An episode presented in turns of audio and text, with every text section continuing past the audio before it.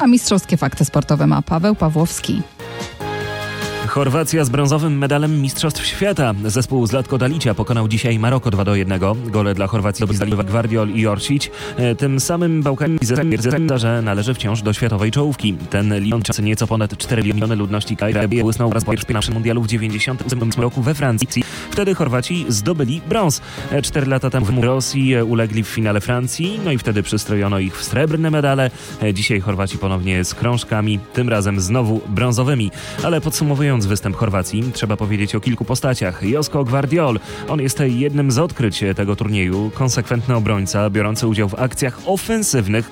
Niezwykle wartościowy zawodnik, choć ma dopiero 20 lat. Eksperci już zwiastują mu szybki rozwój jego kariery. Dominik Liwakowicz to jest bramkarz, który błysnął w konkursie rzutów karnych.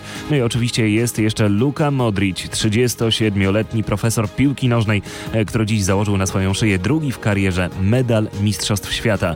Ale zostawiamy mundial, bo również my mamy powody do radości. Dwóch Polaków stanęło na podium konkursu Pucharu Świata w skokach narciarskich. Zawody w Engelbergu na drugim miejscu ukończył Dawid Kubacki, trzeci był dzisiaj Piotr Żyła.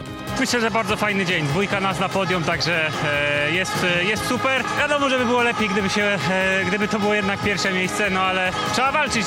Jutro mamy znowu dzień. Mówił w Eurosporcie Kubacki. Ósme miejsce zajął dzisiaj Kamil Stoch, 23 był Paweł Wąsek, a zawody wygrał Anze Laniszek.